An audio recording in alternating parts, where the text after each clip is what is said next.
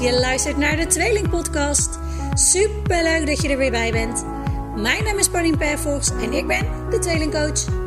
Ik neem jullie tijdens deze podcast mee op mijn avonturen als coach voor tweelingouders bij het positief en ontspannen opvoeden van hun tweeling.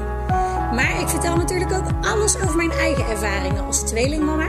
Onze één eigen meisjestweeling is vijf. En ik geef jullie de beste tips en tricks voor het opvoeden en opgroeien van tweelingen. Want een tweelingenhuis is superleuk en bijzonder, maar brengt ook wel wat uitdagingen met zich mee. Ik heb er heel erg veel zin in. Ik hoop jullie ook. En ik wens jullie super veel luisterplezier.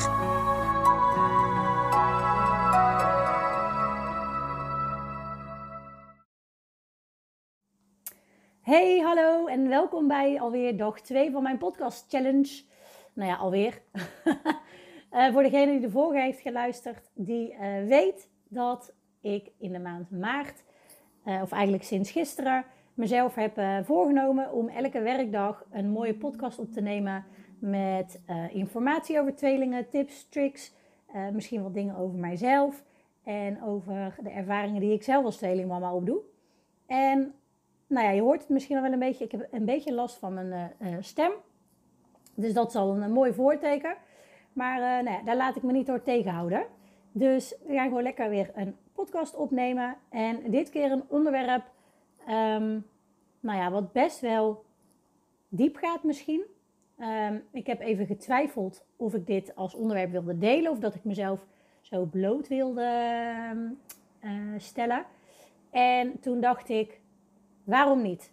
Als überhaupt maar één, één luisteraar zich hierin herkent en uh, beseft dat ze nou ja, hierin niet de enige is, um, dan vind ik het mooi meegenomen. Dus nou ja, ik ga het gewoon uh, aan en uh, ik ga de podcast het hebben over eigenlijk de opmerking die we heel vaak krijgen als tweelingouders. Of in ieder geval die ik uh, heel vaak heb gekregen als mensen dan hoorden dat we een tweeling hadden. Oh, dan ben je wel in één keer, dan ben je wel in één keer klaar, hè? Um, en om een bepaalde reden uh, trapte, mij, trapte ze dan bij mij een beetje op het zere been. Uh, nou ja, dan ben je wel in één keer klaar. Um, en ik maakte daar altijd een beetje een grapje van. Zo van, nou, misschien wil ik wel uh, acht kinderen. En ben ik nog lang niet klaar. Um, maar dat is niet de reden waarom dat, um, die opmerking mij iets deed. Ik vertelde het in de eerste podcast ook al. En daarin leg ik uh, een beetje ons, ons verhaal uit met de uh, tweelingmeiden. En um, nou, heb je die nog niet geluisterd, luister die zeker even terug. Gewoon de eerste. Dan leer je me een beetje beter kennen. Um, maar ik ben altijd ook als klein meisje al een echte, echte moeder geweest. Uh, als mensen aan mij vroegen wat ik wilde worden laten, dan zei ik ook standaard mama. Ik was ook een echte, echt poppenmeisje. Um, ik heb nog tot best wel uh, een late leeftijd met poppen gespeeld. Um, ik heb ook mijn duurste pop op een leeftijd gekocht. Ik weet niet precies meer welke leeftijd. Maar uh, dat het eigenlijk uh, niet helemaal meer kon volgens de normen en, en, en, wetten op de basisschool, om het even zo te zeggen. Um, dus nou ja, dat wil wel zeggen, ik ben een echte moeder. altijd al geweest. En ik heb ook um, het, het, een zwangerschap en een bevalling altijd iets heel magisch gevonden. Ik heb ook heel lang gezegd dat ik um, verloskundige wilde worden.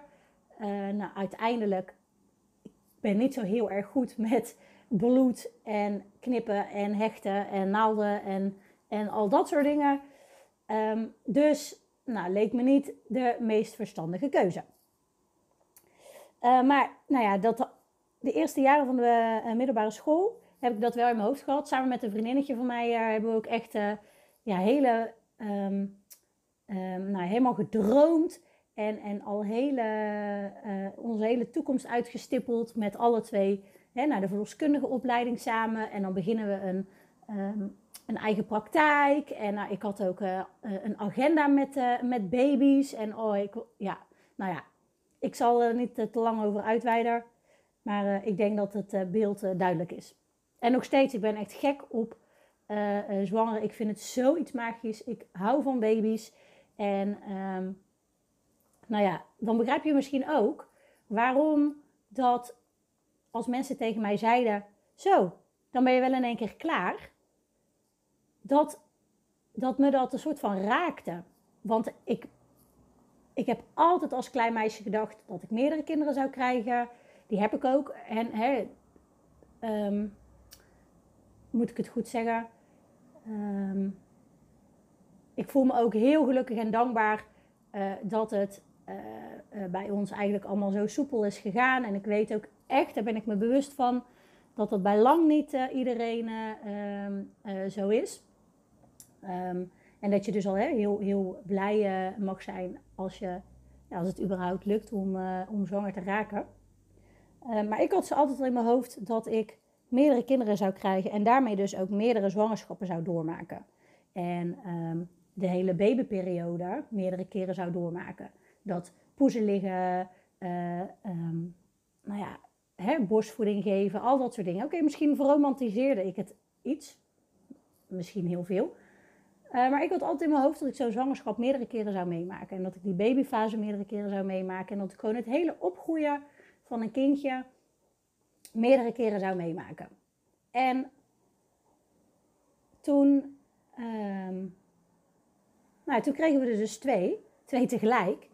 En uh, mijn man is daar heel, eigenlijk heel duidelijk in. Hè? twee is helemaal goed. We hebben twee gezonde kindjes. Uh, alles gaat, gaat goed. We hebben ontzettend met ze geboefd. Natuurlijk, het is heel vaak ook niet heel makkelijk. Maar we hebben niet hele moeilijke, lastige, tegendraadse meiden.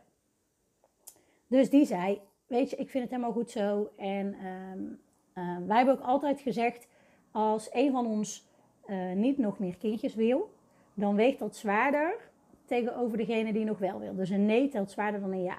En dat is ook gewoon puur omdat we willen dat uh, we er alle twee compleet achter staan. Alleen toen er dus twee tegelijk kwamen en ik heel die zwangerschap maar één keer doormaakte en maar één keer het hele borstvoedingsstukje opstarten. En nou ja, dat was bij ons geen uh, mega succes. Uh, dus dat vond ik ook best wel pittig. die babyfase allemaal maar één keer, die peuterfase maar één keer. nou ja, weet je, nooit meer zwanger zijn. Um, ja, dat kwam best wel even rauw op mijn dak. En dat is misschien ook wel het goede woord. een paar jaar later, eigenlijk een paar jaar na de bevalling, en weet je, ik grap er wel eens vaker over, uh, uh, zullen we er nog een nemen? Of oh, hoe leuk zou het zijn als we er dan weer twee krijgen? En nou ja, mijn man die hield dat dus altijd af nog steeds. En um, toen besefte ik me, dus een paar jaar later, een paar jaar na de bevalling, dat er bij mij een stukje rouw zat. Een stukje rouw op het feit dat ik dus nooit meer zo'n uh, zwangerschap zou meemaken. Dat ik nooit meer een eigen, um, een, een, babytje van mezelf zou, uh, uh, nee, hoe zeg je dat goed, zou maken, zou meemaken, zou zien opgroeien. En dat het echt bij onze twee meiden zou blijven. En misschien dat voor bepaalde luisteraars het woord rouw um, wat heftig klinkt. Um, maar aan de andere kant heb ik dus echt afscheid moeten nemen van het idee dat ik meerdere keren een zwangerschap zou meemaken. En meerdere keren een bevalling zou meemaken. En meerdere keren een babyfase zou meemaken. En voor iemand die zwangerschap zo magisch vindt en die, die zo verzot is op alles rondom uh, zwangerschappen en baby's. En hè, die zelfs uh, heel lang heeft uh, gedacht om verloskundige te worden. Um, ja, heb ik daar echt wel even mijn tijd voor um, nodig gehad. En um, tuurlijk, het is een heel ander soort rouw dan wanneer dat je uh, iemand verliest waar dat je heel veel van houdt. Um, die heel dierbaar is. Maar ja, ik durf wel te zeggen dat ik een stukje rouw heb ervaren. En een stuk rouw door ben moeten gaan. Doordat, ja, door, door het feit, of het, ja, het feit dat ik heel die zwangerschap en die babyfase dus maar één keer zou meemaken. Dus je bent wel in één keer klaar. En daar was ik eigenlijk helemaal niet zo heel blij mee. Uh, ja, ik ben nog steeds super dankbaar en heel gelukkig dat we een tweeling hebben gekregen. Ik bedoel, zonder die meiden was de tweelingcoach überhaupt nooit uh, uh, gestart en opgezet. En had ik nou ja, niet gedaan wat ik nu doe, waar ik heel veel voldoening en geluk uit haal. Ehm, maar ja het, ja, het feit dat hè, je wel in één keer klaar bent en, en je zo'n zwangerschap en zo'n, nou, heel die fases dus maar één keer doormaakt. Ehm, ja, dat, heb ik echt, echt even een plekje moeten geven. Heb ik echt even moeten, moeten verwerken. En uh, nou ja, misschien herken je je hier dus helemaal niet in. Uh, ook misschien gewoon omdat jullie uh, meerdere kinderen hebben dan de tweeling. Um, maar misschien voor degene die, uh, die dus net als wij een tweeling hebben gekregen en daarna eigenlijk hebben gezegd, weet je, het is goed zo. we mogen ons al helemaal gelukkig prijzen dat, dat, dat het goed en gezond en, en um, um, nou ja, goed is verlopen. Maar die, ja, waarbij dat toch nog wel altijd dat knaagje blijft zitten. Zo van, oké, eigenlijk wilde ik het heel graag nog een keer meemaken. Maar dat gaat waarschijnlijk nooit meer gebeuren. En um, nou, ik zeg wel, misschien herken je er helemaal niet in. En ook al herken ik maar, of herkent maar één iemand zich in mijn verhaal. En die denkt, wow, dit heb ik ook. Hè? Dit, dit ervaar ik ook zo. En uh, ik herken me hierin. En ik ben dus niet de enige. Um, ja, dan, dan, dan is me dat al waard geweest om mijn verhaal hier op de Tweeling Podcast te doen. Um, wil ik daar nog iets over kwijt? Of blijft het hierbij? Uh, en wordt het gewoon niet zo'n hele lange podcast? Dat kan natuurlijk ook. Um, nee, ik denk dat alles wel, uh, wel gezegd is. Ja, ik denk dat uh, het punt duidelijk is. Mocht je hier nou in herkennen en denken, poeh, zo, die komt even binnen. Stuur me dan zeker even een, een berichtje op Instagram of via de mail. En nou, dan kletsen we er even op verder als je, dat, als je dat fijn vindt. En zo niet, ook helemaal oké. Maar ik vind het altijd leuk om, om dingen te horen van jullie. En om nou ja, te, te kunnen kletsen ook over dit soort dingen. Over best wel diepgaande persoonlijke dingen. Um, nou ja, wat ik al zei, ik heb even getwijfeld of dat ik het wilde delen. Um, maar ik denk dat het goed is als, uh, nou ja, wat ik al zeg, als in ieder geval misschien één iemand dit herkent en zich daardoor een soort van nou, getroost voelt door de gedachte dat, dat ze niet de enige is. Ja, oké. Nou, dat als allerlaatste uh, ik ga dus elke weekdag een podcast opnemen. Mocht je nog een leuk onderwerp hebben waar je meer over wil weten, stuur me dan ook zeker even een berichtje. En dan kijk ik of dat ik daar een leuke podcast van kan maken. En um, voor nu wens ik je een hele fijne avond. Het is hier uh, tien over half vijf. dus ik ga zo afsluiten en lekker voor de meiden koken. En dan komen ze weer thuis van de oppasopa.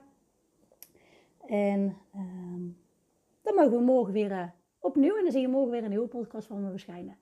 Ik um, hoor heel graag van je. Laat me weten als je je herkent. Laat me weten als je een, leuke, uh, een leuk onderwerp hebt of een vraag hebt uh, voor de podcast. En uh, tot horens. Doei doei!